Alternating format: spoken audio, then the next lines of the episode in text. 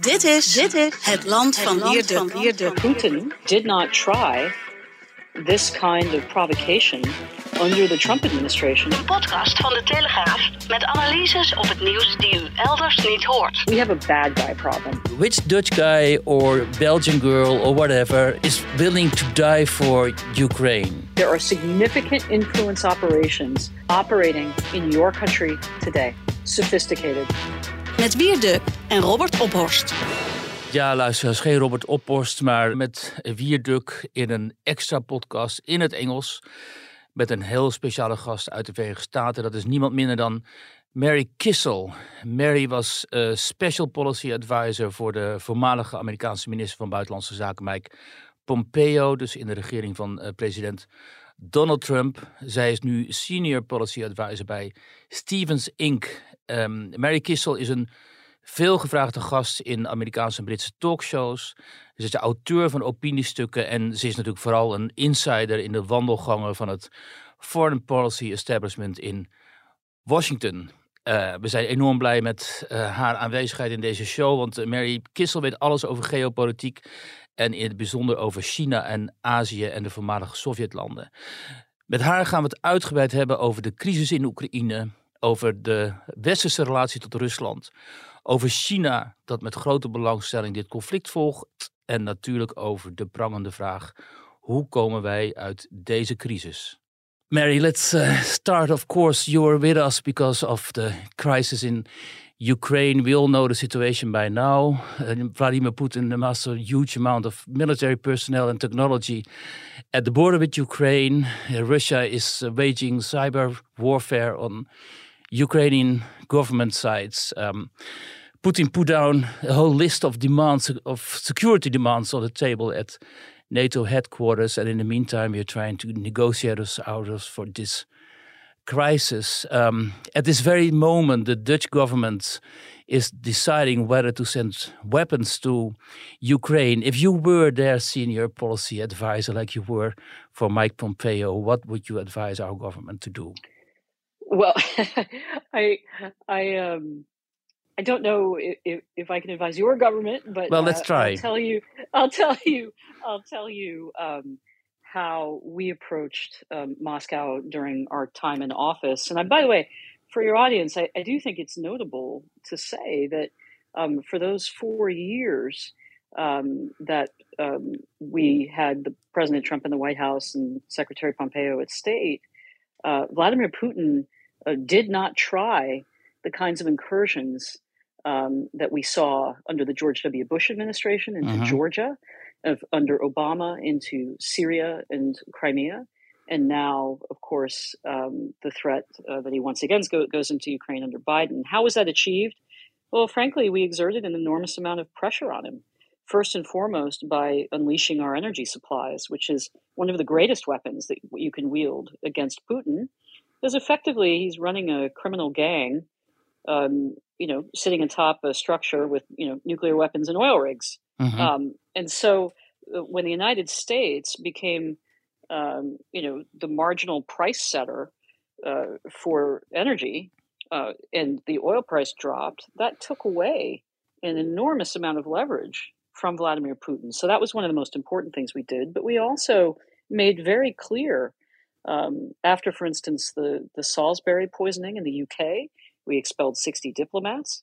Um, again, not well known or noted, but uh, we also sanctioned several members of Putin's inner circle um, in, after, in, retaliation for uh, interference in our um, election process. We armed Ukraine with lethal defensive weapons, uh, something that the Obama administration refused to do. And so we exerted pressure across many, many fronts, and we Mary, made clear that this kind of incursion wouldn't wouldn't be tolerated under us. That's not the impression we had here in Europe. The impression we had here in Europe, I mean, a lot of people had here in Europe, was that Donald Trump was best friends with Vladimir Putin, and that he was in Putin's pocket, isn't it? Well, I, it just simply doesn't comport with the facts. Um, you know, I, I'm I, what I'm giving you is not a, an opinion. I've just listed a series of actions. -hmm. And then observed the result, which is that um, Putin uh, did not try uh, this kind of provocation under the Trump administration because we made clear uh, that there would be serious consequences if he did. I mean, just for instance, take those sanctions that I mentioned. Um, in April of 2018, we sanctioned seven Russian oligarchs, including Putin's son in law and the deputy governor of the central bank of the Russian Federation. Mm-hmm. Um, and you know, this is really hitting him where it hurts because what does Putin really value? He values the retention of his position uh, and the uh, empire that he has built for himself and his family. And so his worst his worst fear is that he's unseated in a in a in a palace coup and that he dies you know uh, that he that he dies a horrible kind of death like Gaddafi, right? Mm-hmm. Um, uh, so his goal is simply to stay in power and to make sure that the people around him are happy, and we threatened that, uh-huh. and therefore he um, he behaved. And unfortunately, what you're seeing right now is, I think, the result of several factors. Most importantly, um, a perception of American weakness and the weakness and the uh, deterioration of American deterrence, and that's dangerous not just for the United States, but for our friends in Europe and around the world. Is he right when he thinks that America and probably also Europe are weak at the moment? Well, um, he's making a, a, calculation clearly that we are. Otherwise, why would he try this? And he has every reason to think so. I mean, look at the debacle of the withdrawal from Afghanistan. Again, um, you know, we took uh, the troop levels down in Afghanistan um, from more than 10,000 and then we ratcheted it down to 2,500 but ultimately decided not to withdraw that that that force because we concluded that the stability of the country would be at risk. And so, actually, Trump kept the troops in Afghanistan. He didn't want to, um, but we felt that that was, unfortunately, um, you know, a prudent prudent measure based on the facts on the ground. So when you have a president who simply says, "Let's get out," and hands an entire country over to a terrorist organization, um, well, that sends a pretty clear signal to the Putins and the Xis of the world that you don't have a strong leader in power. And that, that's it's very, very dangerous. Do you think the, the Afghanistan withdrawal has been a decisive moment for Putin? I do.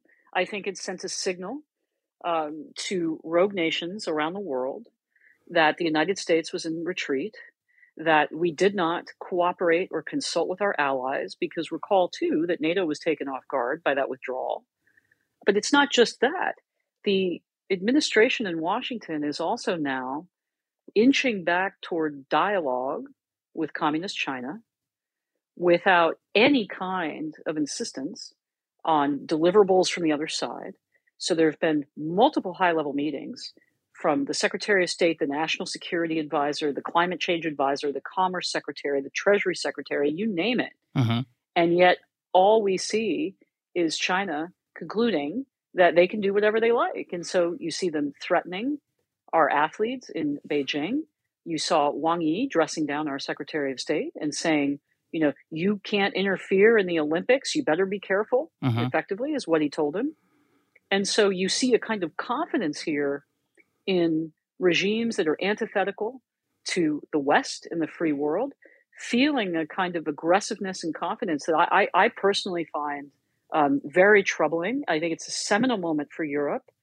Um, and I think that this Ukraine test is going to be yet another pivotal moment. Will Europe get serious about supporting the United States, such as it is today, in in pushing back and containing the threat from the likes of Vladimir Putin. This is a very, very important moment.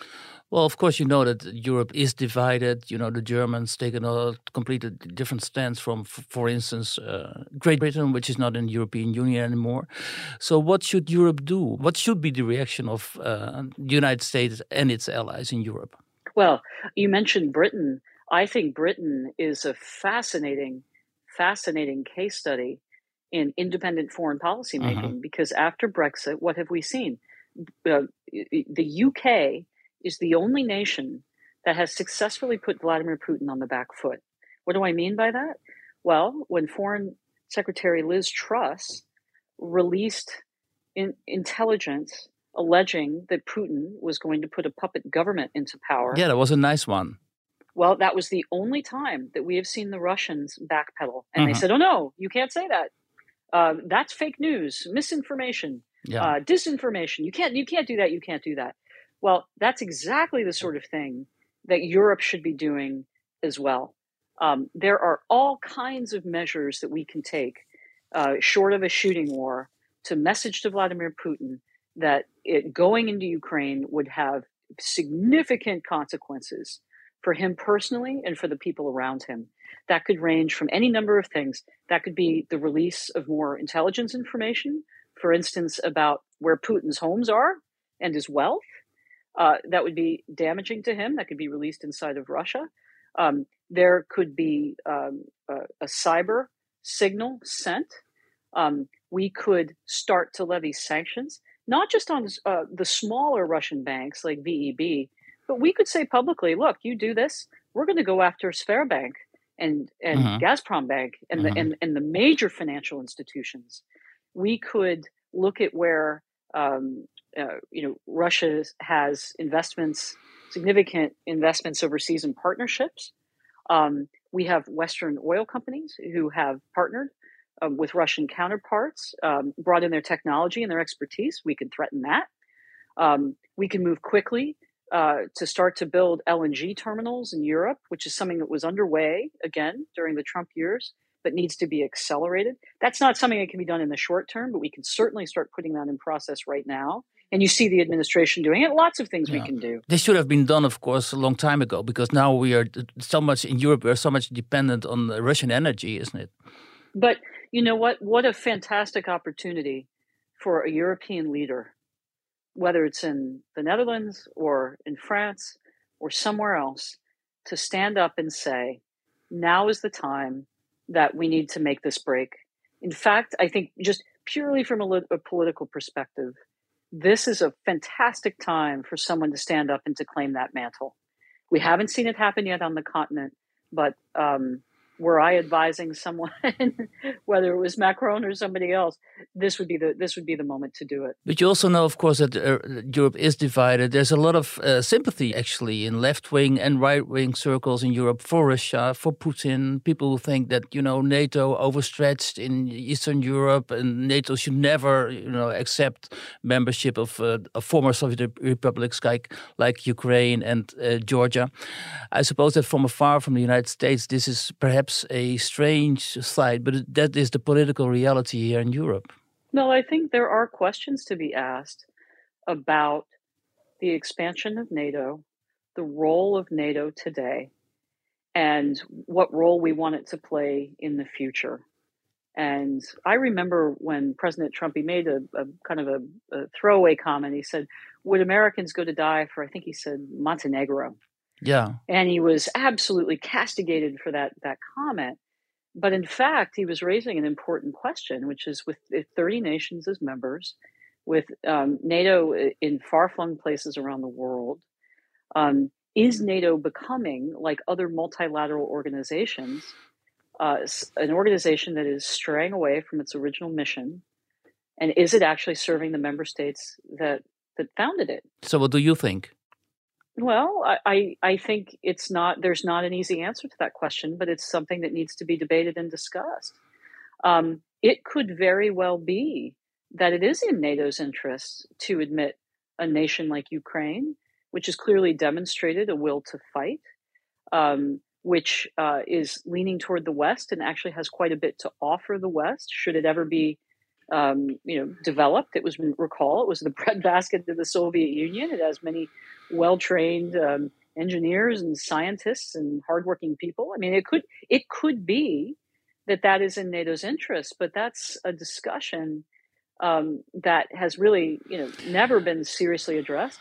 But maybe, you know, look, I, I'm not sure that that's going to get settled today, but it, it is something that needs to be talked about. Of course, it will not be settled today, but still, it's very interesting. I mean, it's interesting to me because, of course, because of the open door policy, you cannot refuse. Like, if uh, states like uh, Ukraine or Georgia want to uh, join NATO, but in the interest of the West and in the interest of Europe, perhaps it will be better to say, okay, let's not do it. Let's not overstretch, like you say, because, of course, which Dutch guy or Belgian girl or whatever is willing to die for Ukraine, right? I mean, it, at the moment it doesn't make sense.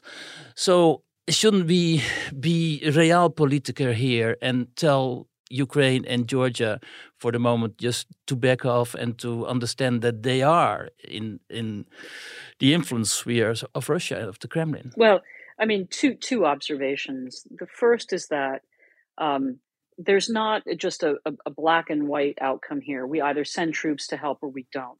We could be and should be and are surging in all manner of uh, weaponry, supplies. We could be helping the Ukrainians with surveillance and intelligence. So there are plenty of ways that NATO can give Ukraine substantial support. And again, to your point that NATO is divided, we have seen um, Germany uh, block uh, certain NATO countries mm-hmm. from providing that support. That needs to be addressed immediately. But secondly, you know, there's another interesting development here when it comes to cooperation between nations to counter threats, and that is uh, two organizations, both in Asia Pacific, but can be applied to Europe, or, or, or that template could be used for Europe, which is the Quad mechanism, between India, Australia, Japan, and the United States, mm-hmm. and AUKUS, which is Australia, Britain, and the United States. Um, these are informal groupings of nations that have the same values, that have the same s- shared threats, in that case from Communist China, and they're coming together to cooperate across many areas in an informal, flexible mechanism. So it could also be that NATO becomes something that is sclerotic, too big, impossible to, to move quickly or to make important decisions together. Too old fashioned, maybe. Turn out that way. Well, look, I, I, I, you know, I'm a big supporter of NATO. I want NATO to succeed. Uh-huh. I think it's anchored transatlantic security. I think it's extremely important. It is more nimble than other multilateral organizations that exist today, but that's, I guess, not saying much. But my argument, Wierd, is that um, is that there are also other ways that European nations could bind together to help Ukraine and to help Ukrainians defend their freedom.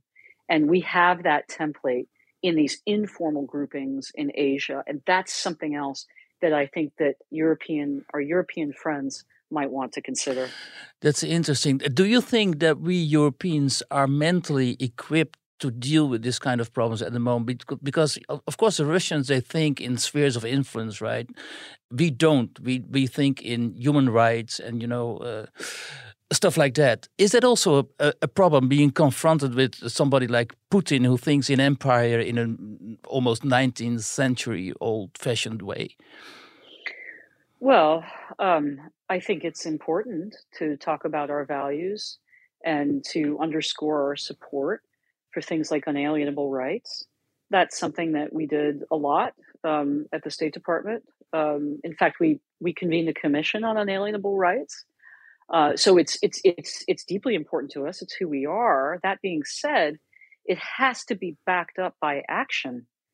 And so, you know, I remember uh, going to the secretary many times with some statement, right, that some bureau wanted to put out on, you know, the value of human rights in this mm-hmm. or that country. And the secretary would always say to me, okay, Mary, that's nice, but what are we doing about it? Exactly. So, you know, so take, for instance, um, China, right? Uh, we did a declaration of crimes against humanity and genocide against the Uyghurs because, mm-hmm. um, but it wasn't just that declaration, which was, which was, by the way, groundbreaking and has been followed by many nations around the world subsequently. We also sanctioned the officials who were responsible for that. Um, we imposed visa bans. Um, we uh, we we raised awareness. We banned uh, American companies from doing business uh, with Chinese companies, um, like uh, that were you know effectively uh, uh, engaging in that surveillance state and, and repression in Xinjiang. So you know we took action. Mm-hmm. And uh, that's if Europe really cares about European values and the European way of life, then at some point they will have to confront the fact that other nations are willing to change the facts on the ground. And are they?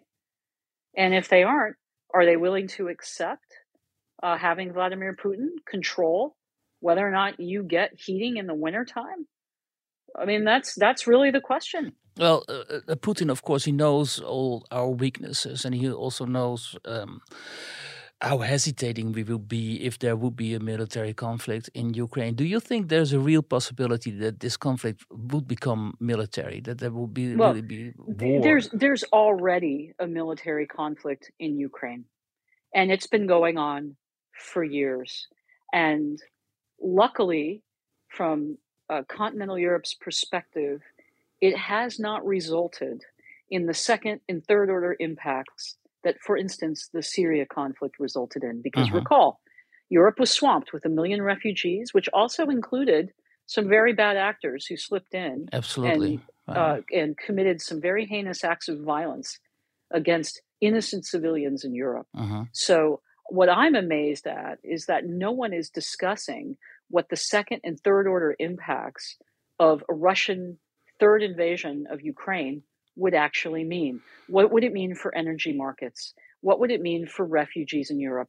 What would it mean for um, you know the cybersecurity of major European corporations?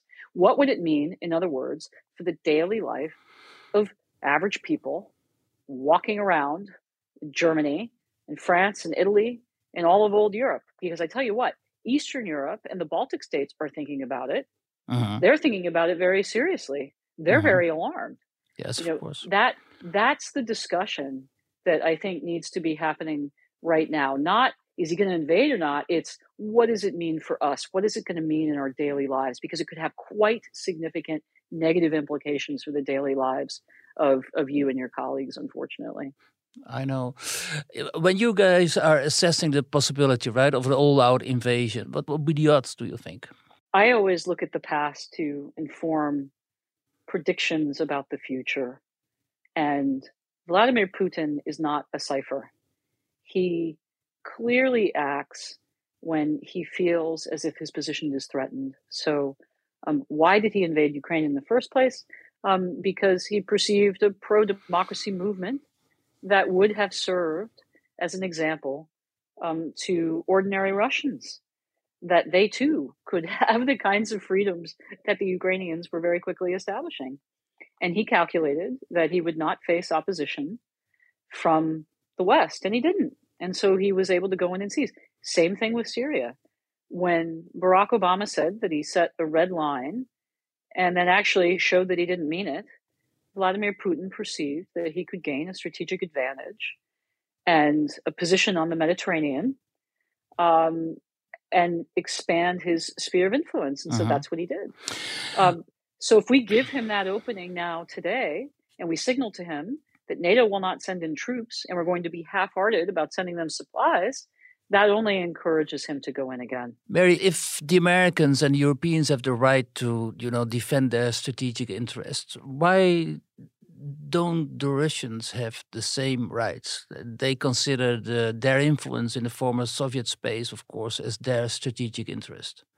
There's a difference between a democratic state with elected leadership that is responsive to its people saying we're going to preserve our sovereignty and our national security and and a uh, autocrat like Vladimir Putin who has sustained himself through corrupt means and and violence against not only his own people but his neighbors to change borders and to subjugate others there's that is that is not comparing the apples and apples. These are apples and oranges. They're two entirely different things. Mhm. and recall too that it's not just about ukraine that bad actors around the world watch what we do.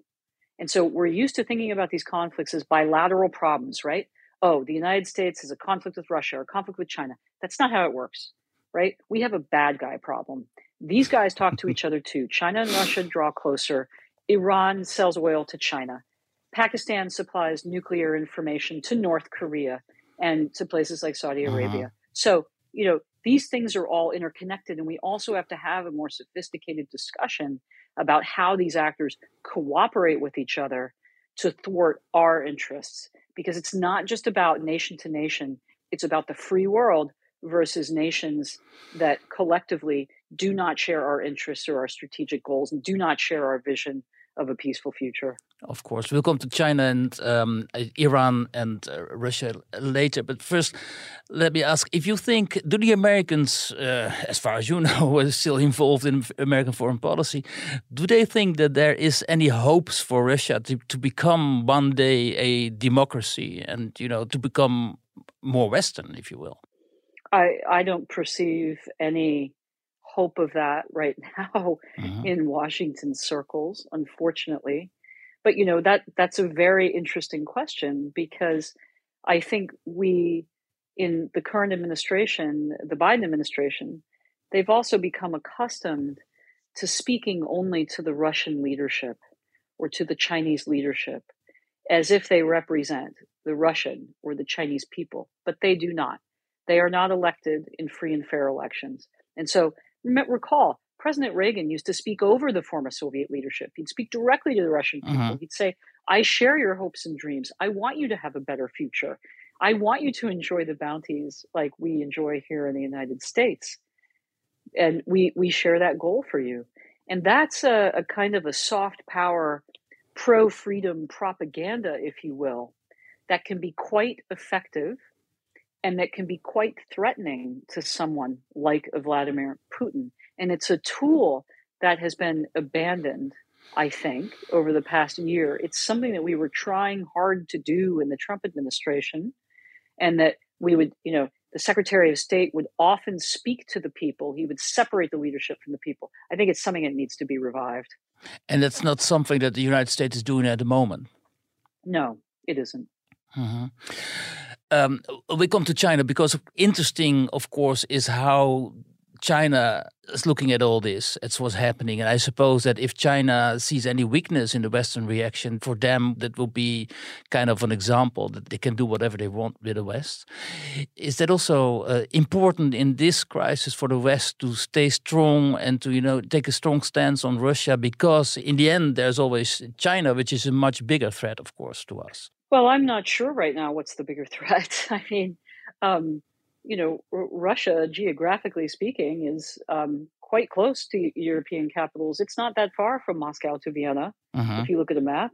Um, but you know, look, uh, I, I'm I'm encouraged that uh, the problem of communist China and the threat that it poses to the free world has been recognized. Um, and in, in Washington, there's a bipartisan consensus. It is not a partisan matter that we need to worry about communist China. We need to take certain actions to protect our strategic industries and remove those supply chains from the mainland, and that we need to be on our guard. And this is this is a very new development. Recall, we had 40 years um, of Republican and Democratic administrations in Washington encouraging trade, engaging under the naive hope that somehow as China got rich, it would become more liberal and freer. And that uh-huh. just didn't happen. Yeah. And I think, you know, that awakening is happening in Europe too. And, you know, look, to its great credit, the Biden administration put together the US EU, uh, you know, Technology and Trade Council uh-huh. um, that built on the US EU dialogue on China that we had started in the prior administration. Um, I referenced the Quad and AUKUS in Asia Pacific. Um, that is uh, also, of course, a result of China's predations. So, you know, Europe may be a bit behind the United States and Australia in terms of their alarm, but certainly we cannot ignore the threat of communist China anymore. Um, and when we're starting to take actions to counter it, and I, I think that's that's terrific.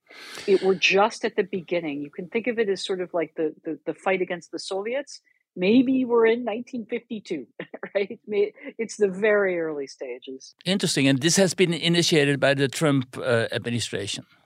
Yes it, you know again I, I, think this is something that's not um, uh, deeply understood on the continent. No. But when president trump got up and he said look and he made it he really talked about it through the prism of trade initially. He said you know look they they cheat on all their trade deals. How no. is this fair? How is this free and fair trade and he was kind of mocked for it because on the conservative right the idea of trade is that it is always and everywhere good because it has benefits for both sides. And that's true, but it doesn't benefit you if you're enriching an enemy state. And that's what we were doing with communist China. And so, you know, through that kind of incessant rhetoric, I think there were a lot of people that had a, a, a realization and awakening that said, wait a second, actually, um, you know what? Uh, China is not engaging in a peaceful rise as a result of our trade. They have monopolized our, our supply chains. They have uh, uh, threatened not just their own people, which of course, you know, it's a, it's one of the most brutal societies on earth. We always have to say mm-hmm. this. It's the Chinese people who are the biggest victims here. But every day, uh, there are incursions of uh, PLA ships around the Senkaku Islands. That's the sovereign territory of Japan. They have surrounded the sovereign territory of the Philippines. That is a treaty ally of the United States. They're engaging in very dangerous and threatening tactics in the South China Sea. Uh, they are intimidating the Vietnamese in Vietnamese waters. They killed a bunch of Indians on the Chinese Indian border not so many years ago, brutalized them, threw them off of a cliff.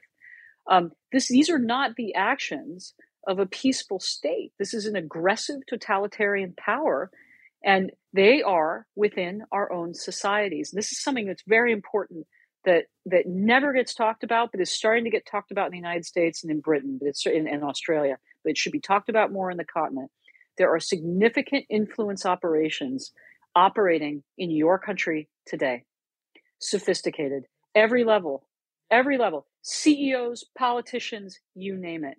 It's going on in the Netherlands today, and somebody needs to look at it because they are within your own borders. Yeah, that's that's something we talked about earlier, isn't it? Well, not in this show, but about China operating in Western countries through media, through in the, the internet, through buying like important people. Elaborate a bit on, on, on this. What exactly do you mean by that?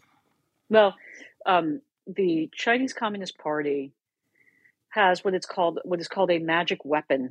It's the United Front operations, and these are um, professional propagandists uh-huh. and influencers who fan out across the world. They identify prominent people or people who they think will become prominent and powerful in the future, and they try to co opt them uh-huh. on behalf of China. So that takes many, many forms. It takes the form of traditional spying, which you would recognize from the Soviet days, but it's much more insidious than that. So, take for instance um, friendship uh, groups. Yeah. So these are organizations that take their marching orders from Beijing.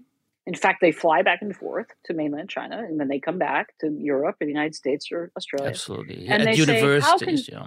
Yep, they're in universities uh-huh. through the Confucius Institutes, uh-huh. propagandizing students. Yes. Um, it, it, it is done through their actual propaganda organs, like China Daily or Xinhua News, that are allowed to print and to broadcast through things like CGTV um, to present a, a, vision of a peaceful totalitarian state. Uh-huh. And I'm telling you, I find it absolutely astounding that our free press, whether they be European, American, or otherwise, when they go to China, they are heavily surveilled. They are prevented from going wherever they want to go, right? They are circumscribed to very small areas. They can only talk to the people that the Communist Party allow them to talk to. In many cases, they are um, harassed. In some cases, they've been beaten. And yet, we allow China's propagandists to freely roam around and to propagandize our people. In the Trump administration, we declared these organizations foreign missions because uh-huh. they're not media outlets. Uh-huh. They don't report to a private owner, they report to the Chinese government. I think they should be banned until the Chinese government allows our free press to operate in a free way within mainland China. I think that's fair and reciprocal treatment. And that is something that we should insist upon because if we don't, they're just going to propagandize our people and they're going to prevent us from knowing what's actually going on within China. Just the other week, there was a scandal here in Holland about an academic being sponsored by the Chinese and uh, you know and and writing uh, the favorable pieces about China. And um, well, this is known and about the Confucius Institutes also, but perhaps it's not really known how deep they really established their influence in also in uh, Dutch uh, society. Um, we talked about you know Russia, China, Iran. Is it possible that the three of them together are, are like trying to push away American influence and Western influence and to establish an alternative for Western values and Western democracy? Because um, because of this influence of this this propaganda influence also from Russia and from China, more and more uh, Western citizens are thinking about their system to be an attractive alternative for Western democracy. We have to be proud of the free societies which we have built, fought for, and sustained. We cannot allow any kind of moral equivalence between our way of life and theirs. We need to say, frankly and often, our way of life is morally superior because we allow in continental Europe and the United States and the other democracies of the world true human flourishing. And we have to say that clearly, we have to be proud of it. And that is something that we have moved away from in the United States, in particular, with wokeism and, and that movement here. Uh-huh. And it's a cancer, and it's weakening us, and it's weakening our resolve, and it is making us more vulnerable exactly. to the propaganda of an Iran or a Russia or a China to say, well, you know what, maybe maybe their way of life is kind of okay because you know China is pulling people out of poverty. But what that argument ignores is not how many people they have pulled out of poverty, but how many people communist China has prevented from being pulled out of poverty. We should not be asking and and and, and marveling at China's quote unquote economic miracle. We should be disgusted at how many hundreds of millions of people that they have suppressed and prevented from becoming rich. China today should look like Taiwan. It should have the freedoms, it should have the quality of life, it should have the average income of a Taiwan or a South Korea. We should ask why does that gap exist? And we know the answer. It exists because a small cabal of people at the top of the Communist Party structure just want to hold on to their power and their corrupt gains, and they will do whatever it takes to do it. It's as simple as that. It's the same story in Syria, in Iran, in Russia, and in China. These are human beings who are corrupt, brutal autocrats who are acting for their own selfish ends. And in doing so, are, pre- are preventing their own people from flourishing, but also posing a threat to us and our superior way of life. And that's how we need to frame it, and that's how we need to respond to it. You mentioned wokeism. Uh, is it isn't wokeism um, an internal threat now to our democracies? Yes. And how will this end up? What do you think? What are the chances of wokeism being becoming dominant in the in our societies? Well, here in the United States, we're seeing a, a pushback. In fact, uh, take, for instance, our elections, our, our local elections in Virginia, where you had a, a new governor elected. His name is Glenn Youngkin, uh-huh. who ran explicitly on an anti woke platform, yeah. um, specifically uh, rejecting wokeism in uh, public schools, saying, you know, we're going to teach our history, the good parts of it and the bad parts of it but we're not going to teach our children that America is an inherently racist society because that's simply not true.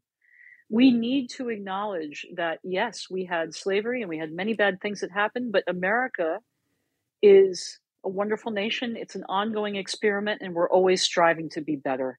And that is the uniqueness of America that our experiment continues and it's constantly improving and constantly changing for the better. And that's why, that's why so many people want to come to our nation and why we continue to have people surging in as immigrants uh-huh. because they recognize this. So, you know, you saw tens of thousands of police officers come out to protest against the you know the woke soft on crime policies here in New York City, which mm-hmm. resulted in the deaths of you know the unnecessary deaths of many many people yeah. in mostly poor communities. So I, I think I think there is a backlash that is brewing, at least here in the United States. I can't speak for Europe. Well, Europe is always a bit later, of course, and um, there is a, lots of tensions because of this wokeism, you know, in our universities, in our media, and, ever, and in, our, in our politics also. So the, the, clash is is coming, I think. Um, is there a chance that because also of this um, the battle against wokeism, let's say, that Donald Trump